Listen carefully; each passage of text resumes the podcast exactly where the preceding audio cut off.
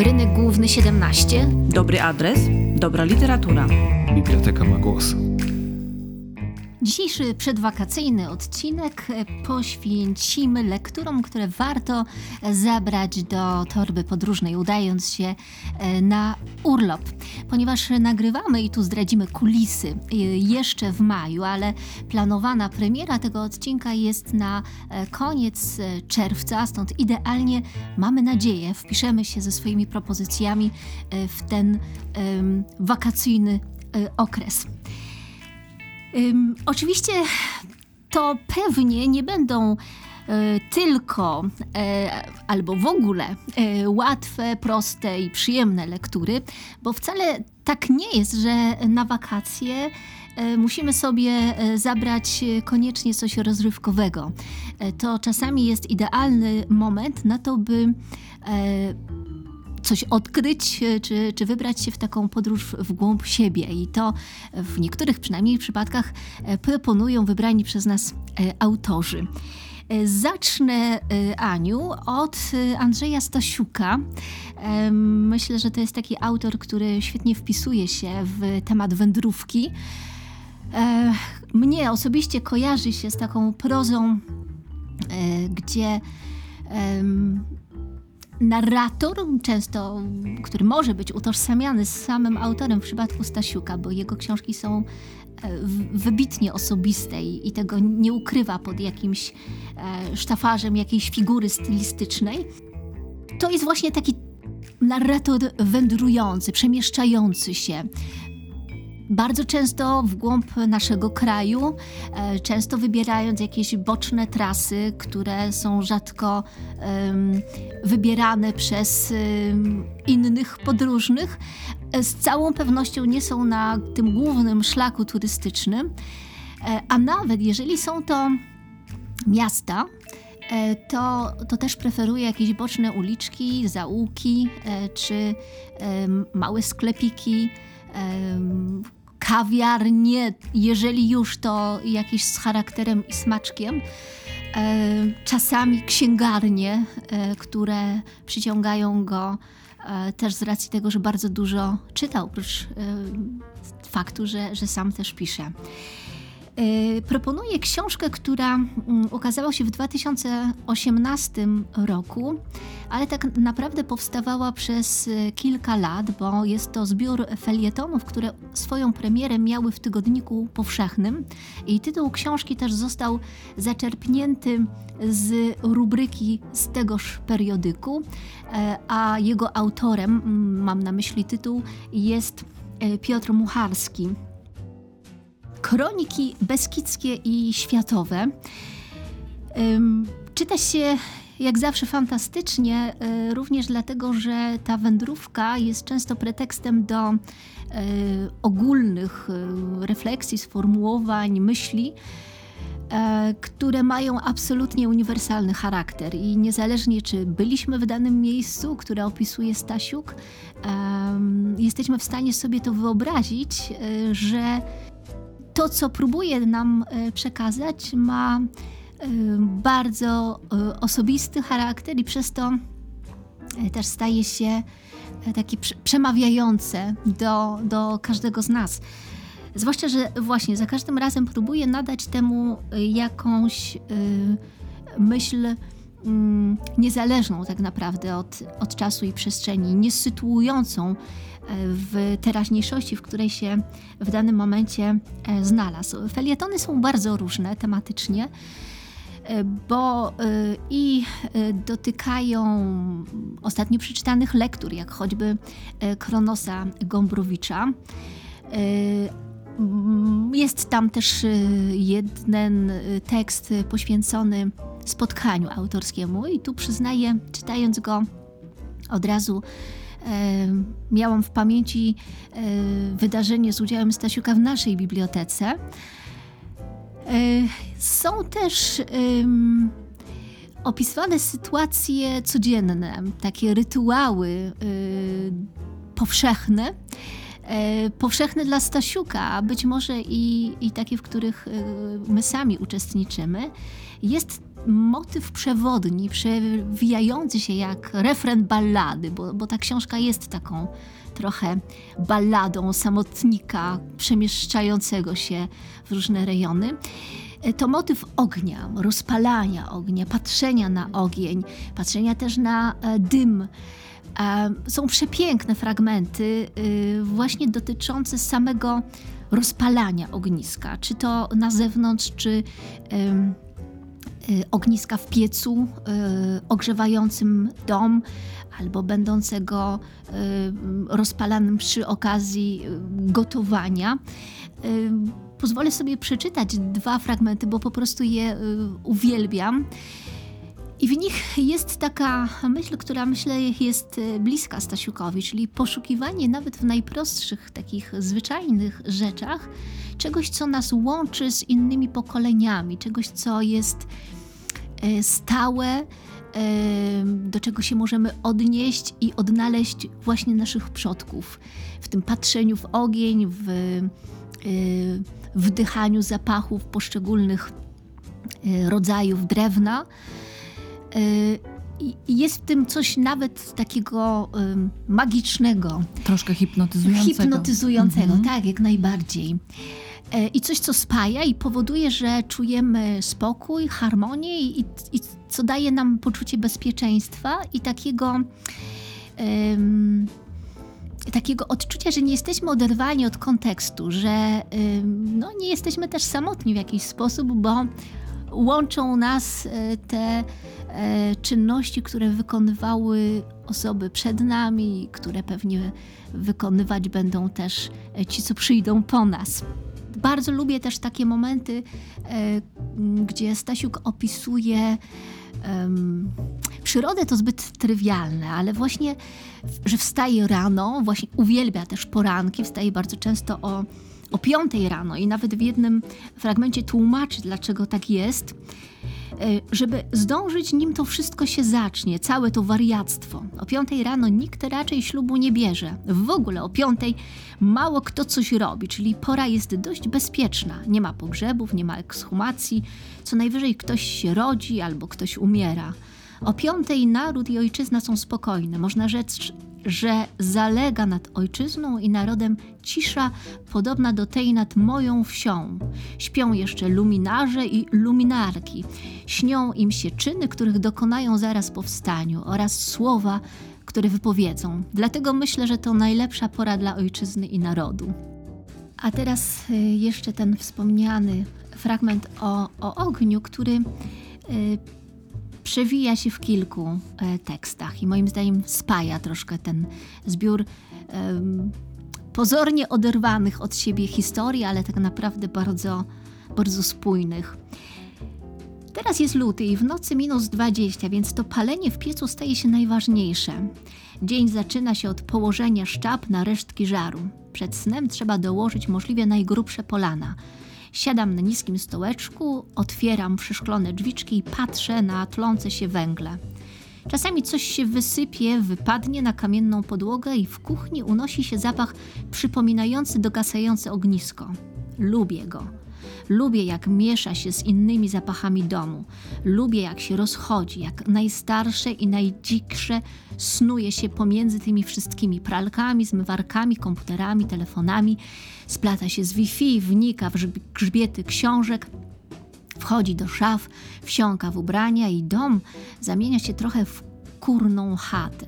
Więc siedzę na tym niskim stołeczku i patrzę w żar. Tak jak mój dziadek, jak moja babka, gdy dokładali do pieca. I z tego samego tekstu zamykającego zbiór zrobiło się cieplej. Śniegi schodzą, ciemne wyłazi spod jasnego i krajobraz przypomina wielką fotografię. Palę pierwsze tego roku ognisko. Dokładam to buka, to olchy, to wierzby i powtarzam lekcje zapachów. Tym razem wydaje mi się, że to mokra wierzba pachnie najpiękniej. Gorzko, korzennie i trochę jak rozpylony metal. Patrzę, jak drewno zmienia się w żar, a potem w dym i zostaje popiół. Niebieski dym miesza się z powietrzem i czasem wydaje mi się, że mógłbym na to patrzeć bez końca. Piękne. Myślę, że ja mogłabym czytać Stasiuka bez końca, Bo to jest niesamowite u tego autora, że z jednej strony jest w nim taka męskość, niezależność, jest takim outsiderem, który nie stroni od miejsc takich odosobnionych, jak stepy, pustynie, dzikie przestrzenie.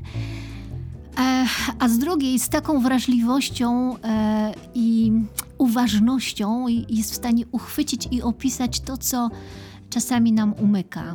Jestem pod ogromnym A wrażeniem. czytelnikom przekazać w tak piękny literacki sposób, bo faktycznie I, p- a prosty jednocześnie. bardzo, tak. Prosty i taki przemawiający wydaje mi się do, do każdego. Aniu, to w takim razie prosimy o Twoją rekomendację, pierwszą na wakacje. Dobry adres, dobra literatura. No, ja zdecydowanie w inny deseń. Książka, na podstawie której powstał e, siedmiodcinkowy serial na Netflixie, a o której chciałabym mówić, to powieść z roku 83 autorstwa amerykańskiego pisarza Waltera Tevisa. I w sumie nie bez powodu te, o tym serialu wspominam, bo mm, właśnie ze względu na serialową rekomendację zdecydowałam się sięgnąć po tę powieść. I mimo, że nie gram w szachy i nie do końca rozumiem zasady tej gry, e, to jednak czytając e, Gambit Królowej, naprawdę można się zatracić w świecie arcymistrzów szachowych. Powieść e, opowiada o Beth Harmon, która jako ośmioletnia dziewczynka trafiła do, do sierocińca i w piwnicy o, i też w nawiązaniu do e, ognia. Obok e, kotła centralnego ogrzewania. Coś musi w E, tym być. Dokładnie. E, Bet obserwuje mm, woźnego, pana Szajbela, który sam ze sobą rozgrywał kolejne partie szachów. I początkowo mm, z biernego obserwatora później stała się pełnoprawnym partnerem do gry. I o ile na początku mm, nie było takiego równouprawnienia między nimi. Mm, Pan Scheibel e, wyjątkowo dawał e, jej do zrozumienia, że on tutaj rządzi, że on będzie wybierał kolor pionu, czy to mm, jego ruch będzie pierwszym mm, na szachownicy, to jednak właśnie woźny dostrzegł e, w Bet i tą wyjątkową szachową intuicję i przede wszystkim jej genialny umysł. I jeszcze w sierocińcu mm, rozegrała mm, dziewczynka kilka partii właśnie szachowych z członkami klubu szachowego z pobliskiego liceum, gromiąc oczywiście swoich przeciwników, a jednocześnie będąc mocno zdziwioną ich niskim poziomem gry i odpowiadając na pytanie, jak udało ci się tego dokonać, mm, Bet rozbrajająco odparła. To było łatwe, wystarczyło mieć oczy otwarte i wyobrażać sobie, jak może rozwinąć się gra. Hmm. Tak, tylko może faktycznie powiedzieć chyba genialna mm, dziewczynka, która ma ogromną intuicję. W wieku dzie- 12 lat została adoptowana i wówczas po raz pierwszy wzięła udział w takich profesjonalnych mistrzostwach szachowych, mm, na które wpisowe 5 dolarów uzyskała jako pożyczkę od zaprzyjaźnionego już wtedy woźnego z sierocińca. I myślę, że ten moment właśnie, triumf w pierwszych mistrzostwach, e, należy chyba traktować jako przełom w życiu Bet, bo od momentu, kiedy wygrała mm, swój pierwszy profesjonalny turniej, zarabiając na nim 100 dolarów, jej dalsze życie toczyło się już absolutnie wokół e, kolejnych rozgrywek szachowych, począwszy od udziału w rywalizacji międzystanowej, a po te międzynarodowe mm, turnieje skończywszy. I w tym świecie szachów, w środowisku zdecydowanie zdominowanym przez mężczyzn, dziewczyna niejednokrotnie czuła się no, bardzo samotna, bo z jednej strony budziła pewien mm, Respekt. tak, rodzaj pewnego wręcz onieśmielenia, e, ale to jednak złość i zazdrość częściej towarzyszyła mężczyznom, kiedy w kolejnych partiach no, dawali się ogrywać kobiecie, młodej, Bo przegrać młodej to kobiecie. raz, ale jeszcze przegrać z babą Dokładnie. i to często młodszą, bo s- ja oglądałam serial Aniu, Mhm. po książkę jeszcze nie sięgnęłam, więc e, to jest dla mnie lektura do nadrobienia, a po twojej rekomendacji to już y, koniecznie muszę to zrobić. E, Natomiast rzeczywiście, przynajmniej w filmie tak było, że no ona często była po prostu najmłodsza w, Tak. w tych Tak, i myślę, że to był no, konkurencji, mm, w tej konkurencji, w tych honor pojedynkach. męski niejednokrotnie był tutaj mm, narażony na zniewagę.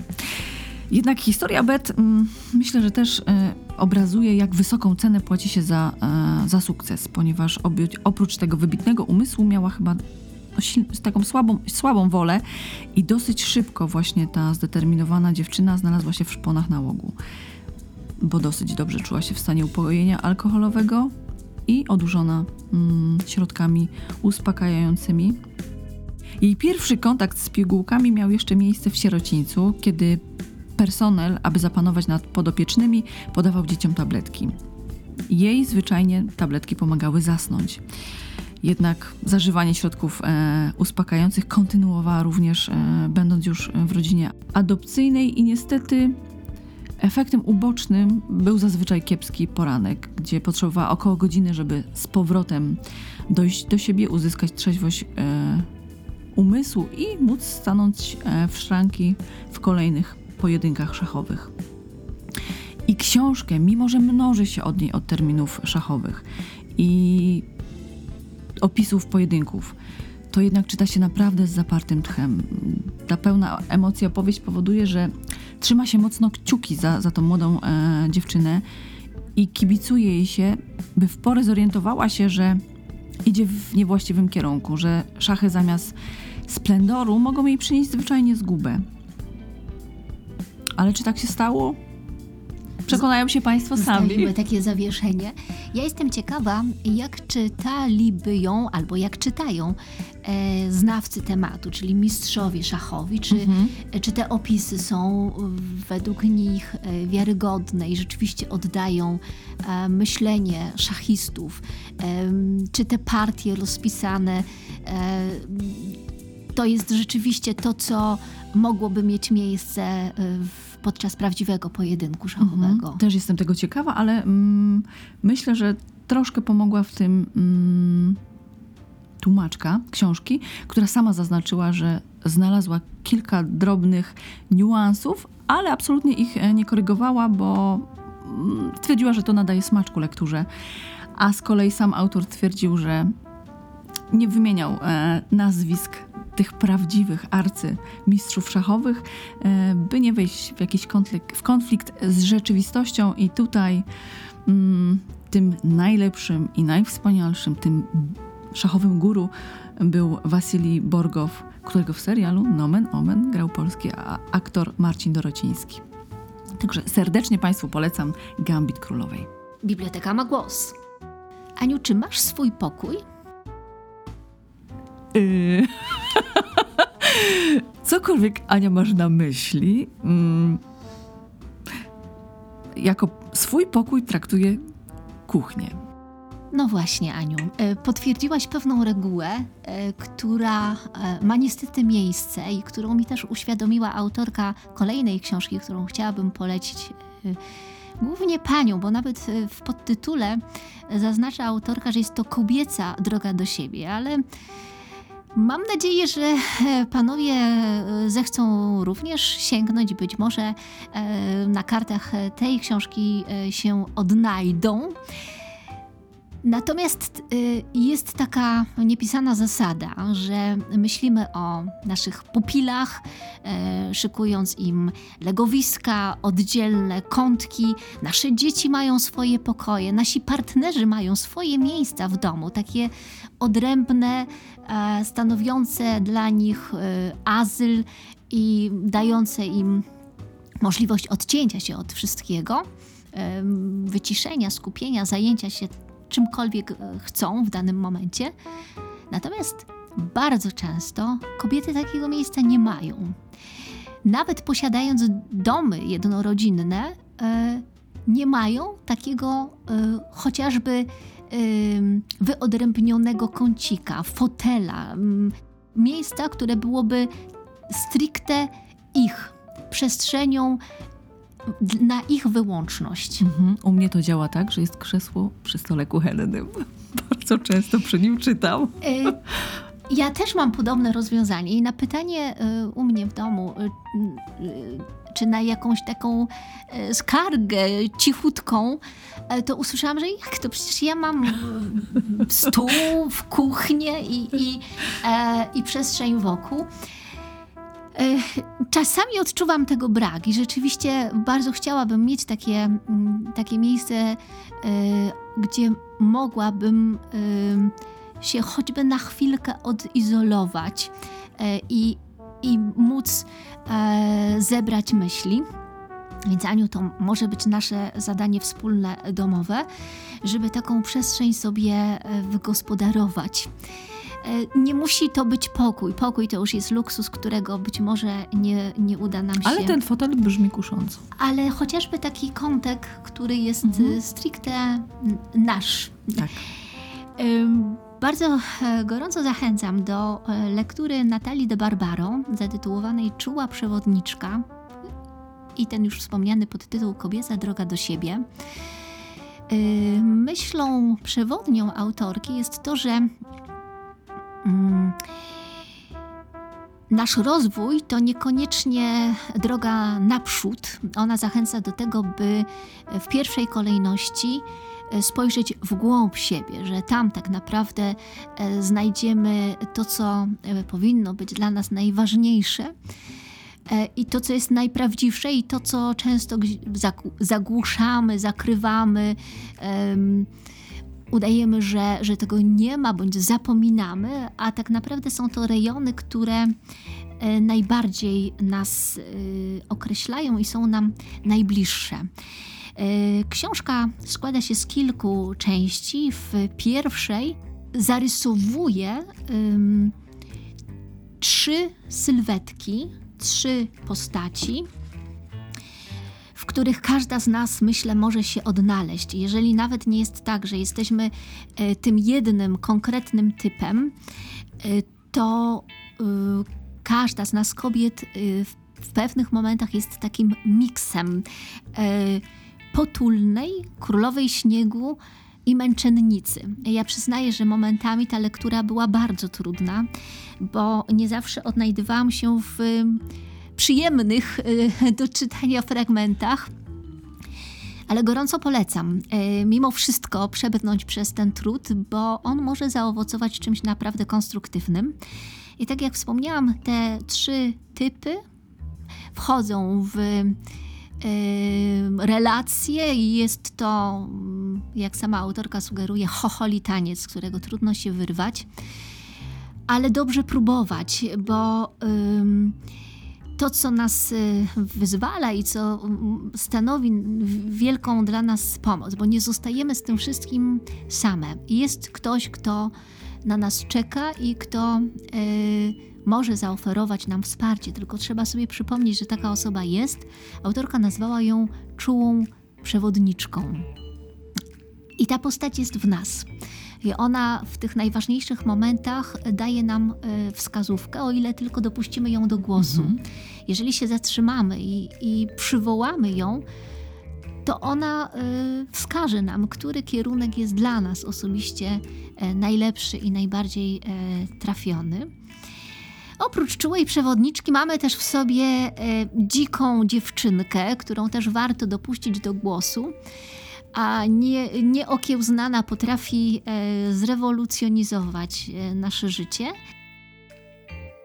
Może jeszcze tylko nadmienię, e, że Natalia de Barbaro mm, jest psycholożką, poetką, felietonistką wysokich obcasów i charakterów, a także prowadzi autorskie warsztaty dla kobiet właśnie nazwane Własny Pokój. E, Myślę, że ten e, wątek jest szalenie dla niej istotny, bo on też sytuuje em, nasze miejsce e, w, w naszym życiu. To, kim same dla siebie jesteśmy, to ile sobie wyznaczamy miejsca i to porządkuje też nasz wewnętrzny świat. Co jest bardzo cenne w tej książce, to y, fakt, że nie wytyka nam jakichś błędów, y, przywar, wad, nie ocenia, a wszystkie y, stwierdzenia y, nie wzięły się znikąd. To jest relacja z jej własnej y, drogi poznania samej siebie. Y, Bardzo często operuje konkretnymi przykładami z własnego życia. Mhm. I to dotyczącymi relacji rodzinnych, czy e, koleżeńskich, czy y, na stopie zawodowej. Nie przekraczając granicy intymności, to nie jest y, ekshibicjonistyczna książka. Nie czytamy jej z zażenowaniem z takim poczuciem, że za głęboko wchodzimy w, czyje, w czyjeś życie i w czyjąś osobowość. Ona zachowując pe- pewną y, przestrzeń i dystans, bardzo mocno się otwiera i zachęca do tego samego. Nie wiem, czy po przeczytaniu tej książki, tutaj jest na pewno też taki wątek, y, ponieważ autorka uwielbia kwiaty cięte, e, robi z nich cudowne bukiety i praktycznie y, niezależnie od pory roku stara się y, otaczać kwiatami. I to ułożenie bukietu daje jej mm, o, dużo satysfakcji, dużo takiej e, poczucia bezpieczeństwa. Oprócz względów estetycznych lubi się otaczać kwiatami, to y, bardzo dużo jej daje. Ja przyznaję, też to lubię, e, ale zaniechałam tego. Wcześniej, bardzo często wybierając się na długie spacery, wracałam z całym naręczem polnych kwiatów i to dawało mi szczęście. Mhm. Teraz em, wiem, że muszę do tego wrócić e, i rzeczywiście po, powoli, małymi kroczkami się staram, więc tutaj Aniu zachęcam. Jeśli też jest Ci to bliskie, to ona też podpowiada, że warto udając się do kwiaciarni, nie zdawać się na sugestie pani, która sprzedaje kwiaty, tylko samemu dokonać wyboru, Mhm. i stworzyć swoją własną, indywidualną kompozycję, która będzie odpowiadać tej konkretnej chwili, naszemu nastrojowi a, i e, samopoczuciu. To ja widzę w Twoim, Aneczko, kwiecistym wyjaśnieniu interpretację okładki, ponieważ czuła przewodniczka oprócz pięknej butelkowej zieleni ma na głowie piękny bukiet kwiatów. I myślę, że to jest jeden z tropów do Dokładnie. interpretacji tego, e, co jest w środku. Nie jest to być może najłatwiejsza lektura, ale czy zawsze musi być łatwo? Urlop to jest taki dobry moment, że mamy Dokładnie. tę chwilę Mhm. skupienia. Wytchnienia E, i i pochylenia się troszkę Niekoniecznie musimy przeczytać e, tę książkę e, tak e, hurtem, za, za jednym zamachem, Mhm. od pierwszej strony do ostatniej. Możemy sobie to dawkować, możemy sobie podzielić rozdziałami, możemy wracać do jakichś fragmentów. E, Jest też pomysł autorki, a być może wydawcy, e, żeby robić sobie notatki. W, w kilku miejscach są puste strony do zapisania naszego, czytelniczego, pewnych spostrzeżeń, które się nasuną przy okazji lektury. Aniu, myślę, że Twoja rekomendacja jest świetna i o tym chocholim tańcu, o którym mówiłaś, to myślę, że troszkę każda z nas raz w miesiącu jest i potulną, i królową Em, śniegu. Aniu, nawet nie raz w miesiącu, codziennie jesteśmy każdą z tych postaci, a Więc e, warto chyba sięgnąć po lekturę. Mm, Koniecznie, to dużo daje y, i tak jak e, wspomniałam, nie zawsze jest to łatwe, e, bo takie zderzenie się z e, obrazem e, siebie, ale z innej strony, no, często wybielamy się, mamy jakieś takie przeświadczenie o sobie chyba bardziej pozytywne niż to jest w rzeczywistości, to ym, taka inspiracja, żeby spojrzeć na pewne sytuacje z zewnątrz jest inspirująca. Mhm. W nawiązaniu do pięknych okładek hmm, skusiłam się, będąc niedawno, e, stojąc przed witryną księgarską, na powieść, która myślę, że już weszła chyba mocno do, do, do klasyki e, literatury. Myślę tutaj o Rebece, mm, powieści Daphne du Maurier. A dzięki najnowszej ekranizacji, mm, która ukazała się w roku 2020, myślę, że ponownie mm, Rebeka zainteresowała czytelników. Mnie do przeczytania tej e, powieści niewątpliwie skusiła przepiękna okładka, wydana w tej chwili w serii butikowej, pełna złoceń, e, w pięknych odcieniach zieleni, zachwyca swoim wyglądem. I w tym przypadku mm, kompletnie nie sprawdza się powiedzenie nie oceniaj książki po okładce, bo ta piękna obwoluta świetnie komponuje się z historią pewnej nieznajomej. Powieść Rebeka ukazała się w roku 1938 i jej autorkę niejednokrotnie opisywano jako pisarkę romantyczną, nad czym bardzo ubolewała, ponieważ stwierdziła, że to określenie do niej nie pasuje, szczególnie z dwóch powodów. Po pierwsze, ponieważ jej bohaterom rzadko przypadało w udziale szczęśliwe zakończenie, a po drugie z tego względu, że mm, czy w przypadku powieści, czy opowiadań przez nią pisanych, niejednokrotnie tym historiom towarzyszyła taka mroczna atmosfera. I tak jest też w przypadku e, wspomnianej przeze mnie Rebeki.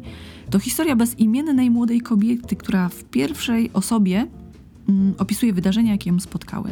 Pracując jako dama do towarzystwa, znalazła się ze swoją pracodawczynią na rywierze francuskiej, gdzie szczęśliwym zbiegiem okoliczności mm, było jej dane poznać w Monte Carlo wdowca Maxima de Wintera i po krótkiej znajomości zdecydowała się go poślubić.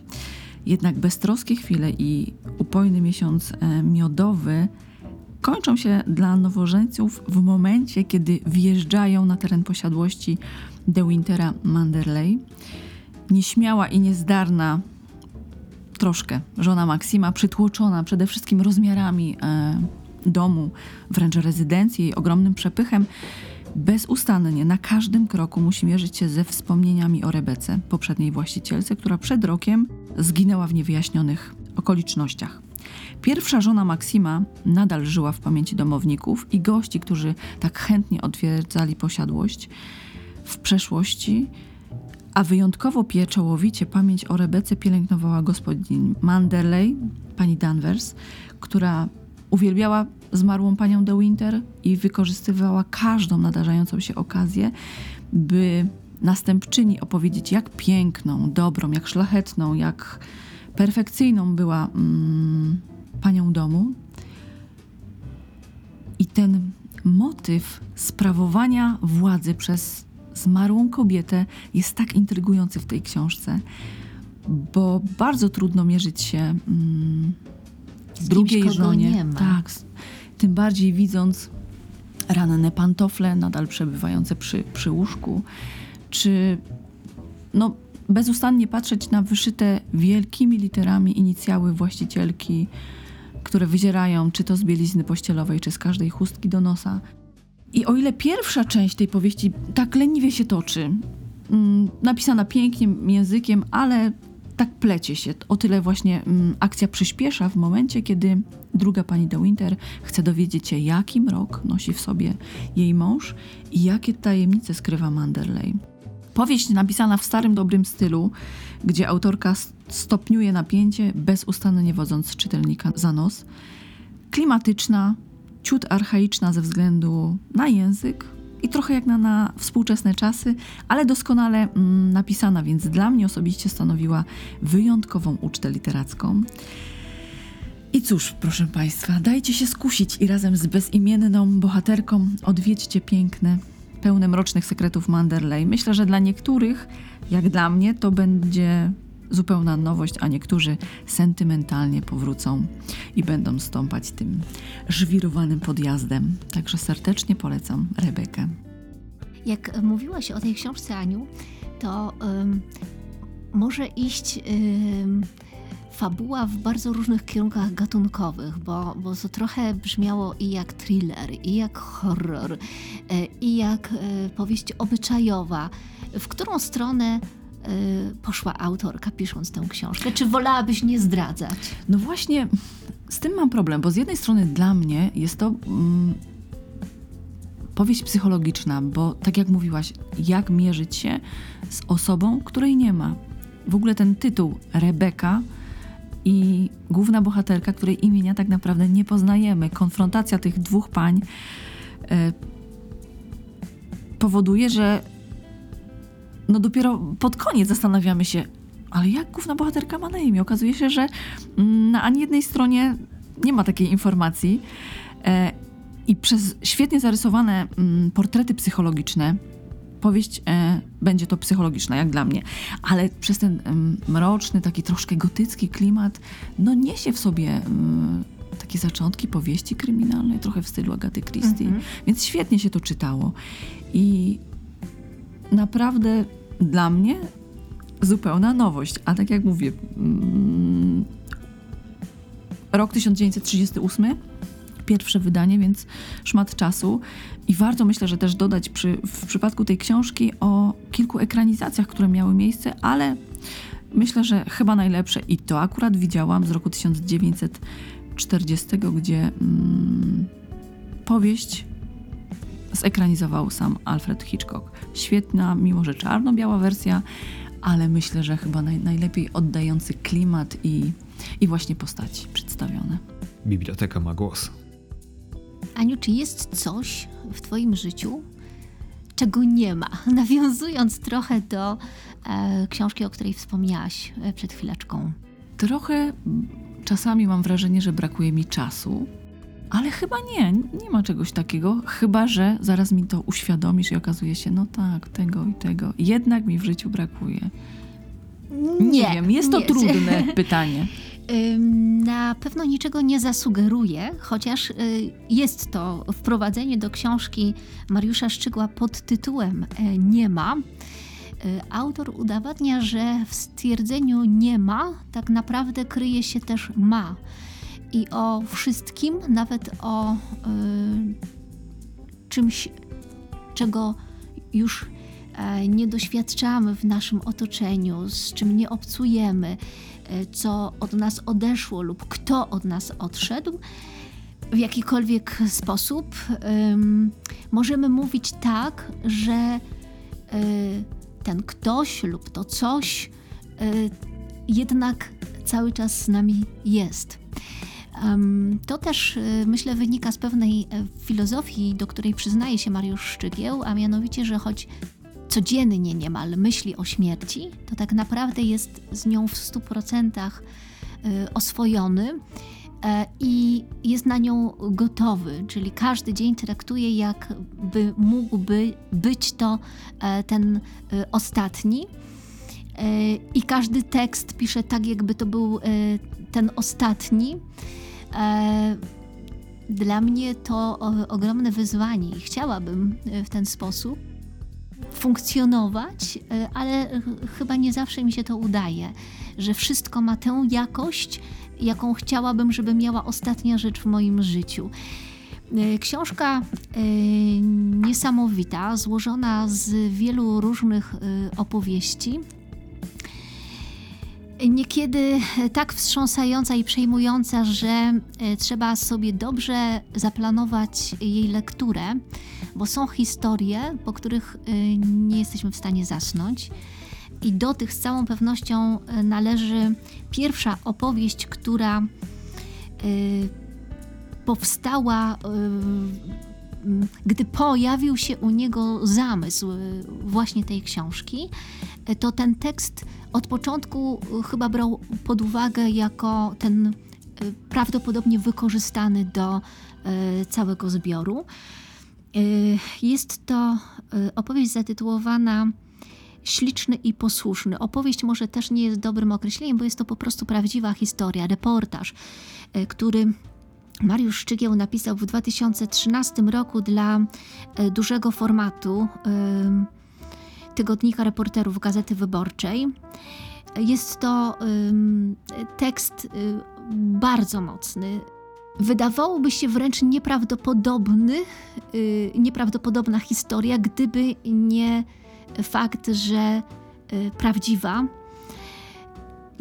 Nie wiem, czy w ogóle ch- chciałabym Państwu teraz ją rozwijać, bo to po prostu trzeba przeczytać. Być może część z Państwa pamięta ten tekst, gdy on się ukazał w Gazecie Wyborczej, bo była to bardzo yy, głośna yy, historia, mająca też swój ciąg dalszy. Więc to jest też niesamowite, że e, reportaż może zmienić czy wpłynąć na na losy bohaterów, ma dużą siłę rażenia i trzeba być bardzo odpowiedzialnym, opisując pewne zdarzenia. I niekiedy mm, wychodzić y, w przyszłość, jak, jakie mogą być konsekwencje pewnych zdarzeń.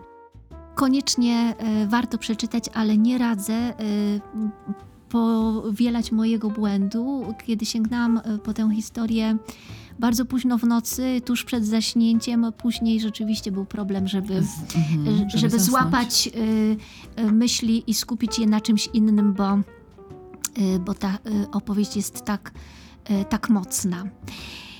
Y, ale nie ma y, i ten zbiór y, jest y, tak różnorodny, jak różnorodni są ludzie, z którymi się autor styka. Y, Pisze y, też i o swoim ojcu, pisze, y, wspomina y, bardzo bliską y, mu także zawodowo Hannę Kral i tutaj chciałabym y, zacytować najkrótszy wykład o nie ma Hanny Kral. Wszystko musi mieć swoją formę, swój rytm, panie Mariuszu, zwłaszcza nieobecność. Następny tekst zatytułowany jest Reportaż y, i y, pod tym tytułem pojawia się zdanie. Reportaż to nieumiejętność przeżycia własnego doświadczenia egzystencjalnego za pomocą fikcji. W tej książce jest też zdanie, które wydaje mi się, y, że jest y, kluczowe, a mianowicie mm, tekst według autora opowiada nie tylko o bohaterze, zawsze jest ukrytą opowieścią o samym autorze. Można e, by się nawet zastanowić, czy sam wybór tych, a nie innych epizodów z życia bohatera nie mówi więcej o piszącym niż o opisywanym. I chciałabym Państwu, zachęcając koniecznie do e, lektury tej książki, e, przeczytać e, fragment, którym Mariusz Szczygieł kończy ów tom. Czy też e, tak macie, gdy wylatujecie jak ja, że dopada Was myśl, a jeśli to mój ostatni dzień życia? Mnie dopada zawsze. Wtedy zaraz sprawdzam w głowie, czy ze wszystkimi rozliczyłem rachunki życia i czy ci, na których mi zależy, są mi życzliwi. Jednak dziś umysł mi podpowiedział pytanie: a gdyby samolot miał się rozbić, to co byś napisał w ostatnich słowach do świata? Nie, żadnego przekazu dla ludzkości w stylu kochajcie się nie, nie będzie. Nie mam w sobie odpowiedniej pychy. Przed śmiercią napisałbym światu tylko jedno słowo: dziękuję. Na wakacje weźcie, drodzy Państwo, również i takie książki. Znajdźcie sobie cichy zaułek, mm, miłą kafejkę albo mm, gdzieś cichy kącik na plaży. Posłuchajcie fal, szumu drzew, śpiewu ptaków, albo popatrzcie na innych przechodniów, albo zaszyjcie się w swoich mieszkaniach i wybierzcie się w podróż nie tę egzotyczną, ale tę e, w, głą- w głąb siebie. I oddajcie się lekturze albo mm, tych książek, albo jeszcze jakichś innych, które sami znajdziecie. A teraz czas, Aniu, chyba na Twoją. Ostatnią już rekomendację też Last but not least. osobiście dla mnie bardzo emocjonalną, ponieważ bardzo lubię tą au- autorkę, Jessie Barton, o której e, chcę wspomnieć. W świecie literackim zadebiutowała w roku 2014 powieścią Miniaturzystka. E, I ta powieść zrobiła furorę Tak. na targach książki we Frankfurcie i potem ukazała się w 30 krajach. W roku 2016 kolejna powieść autorki to Muza, natomiast rekomendowana przeze mnie powieść to jej ostatnie dzieło Wyznanie. Powieść nietuzinkowa, bardzo nastrojowa, opowiada o trzech kobietach, które połączyło tytułowe wyznanie prawdy. I to, co często obserwujemy w książkach, to e, charakterystyczny zabieg e, takiej mm, czasoprzestrzeni, bo e, akcja książki rozgrywa się w dwóch przestrzeniach czasowych. Początkiem lat 80., kiedy poznajemy Alice Morso i pisarkę Constance Holden. I 30 lat później, na przełomie 2017 i 2018 roku, kiedy Rose Simmons próbuje zdobyć informacje na temat swojej matki Elise, która porzuciła ją we wczesnym dzieciństwie. Ojciec Rose, widząc mm, takie, mimo że córka ma 34 lata, takie pewne otępienie mentalne, boże, to może to brzydkie słowo, taką życiową niepewność córki, taki trochę rozkrok i nie wie, w którą stronę iść. Wręczył jej dwie powieści Constance Holden i zostawił ją z informacją, że prawdopodobnie to właśnie pisarka była ostatnią osobą, która widziała żywą jej matkę. I to właśnie tylko ona może mm, wyjawić prawdę Rose na temat Elis i przynieść jej przede wszystkim długo wyczekiwany spokój ducha. I tutaj też taki niewielki fragment, y, aby zobrazować ten stan ducha mm, Rose. Nie miałam przykładu, jak nawigować przez wzloty i upadki codzienności, jak sobie radzić z jej otępiającą monotonią i z wewnętrznym imperatywem poszukiwania łaski w powtarzalności, wskazach, w nudzie. Rose, wiedziona impulsem, porzuciła swoją dotychczasową pracę i znalazła podstępem, dodam, zatrudnienie w domu Constance, by pod przybranym imieniem i nazwiskiem pomagać autorce w prowadzeniu gospodarstwa, a potem, by pomóc jej w przepisywaniu jej ostatniej, najnowszej powieści. Stopniowo jako Laura zdobywa zaufanie autorki. I oprócz prawdy o matce, mm, która w końcu spływa na Rose, mm, zdobywa tak naprawdę coś równie cennego, bo dzięki licznym rozmowom z pisarką, dzięki niezobowiązującym czasami pogawędkom, ta młoda kobieta w końcu odnajduje siebie, staje się pewniejsza, zaczyna się na, zastanawiać nad sensem e, swojego wieloletniego związku i nad tym, by zupełnie przewartościować swoje dotychczasowe życie. I to, co też znajduje, to w końcu prawdę o swoim tacie. Jak mówi, skupiając się na rodzicu, którego nie było w moim życiu, nie doceniłam tego, który je dla mnie poświęcił.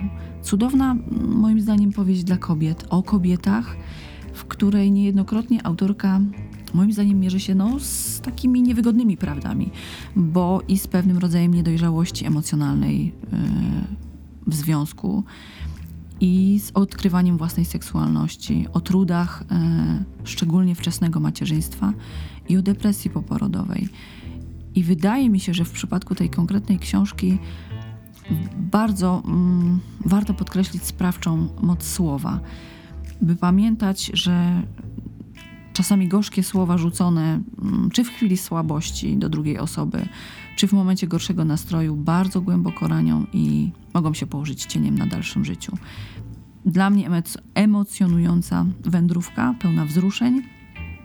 I myślę, że też warto spadkować do walizki, kiedy będziemy się organizować na wakacyjny wyjazd. Serdecznie polecam. Bardzo dziękuję, Aniu. Rynek Główny 17. Dobry adres, dobra literatura. Biblioteka ma głos. Aniu, mam propozycję do odrzucenia, e, ale mam nadzieję, że Zamieniam podejmiemy wyzwanie. Gdyby udało nam się spotkać przed mikrofonami mm, w kolejnym odcinku, który byłby już pewnie po wakacjach, to ponieważ mimo tych e, ograniczeń, które sobie narzuciłyśmy do trzech propozycji, i tak e, przekroczyłyśmy limit czasu zakładany na dzisiejszy odcinek, to e, zadanie na następny odcinek byłoby takie. Jedna propozycja, ale lekka, łatwa i przyjemna, dowcipna, przy której się same zaśmiewamy do rozpuku. Mhm. Aniu, co ty na to? Świetnie. Okej, Lubię takie powieści, więc mam nadzieję, że ja jestem przerażona, ale mam nadzieję, że coś mi się uda znaleźć. Ostatnio rzadko kiedy na takie książki trafiam, więc tu naprawdę sama sobie podłożyłam zdaje kłodę. się na rekomendacje bibliotekarzy. Jasne. Aniu, to w takim razie y, do zobaczenia i usłyszenia po wakacjach. Anna Sobula. Anna Ptaszkiewicz-Godzina. Realizacja i mixing Radosław Świerkosz.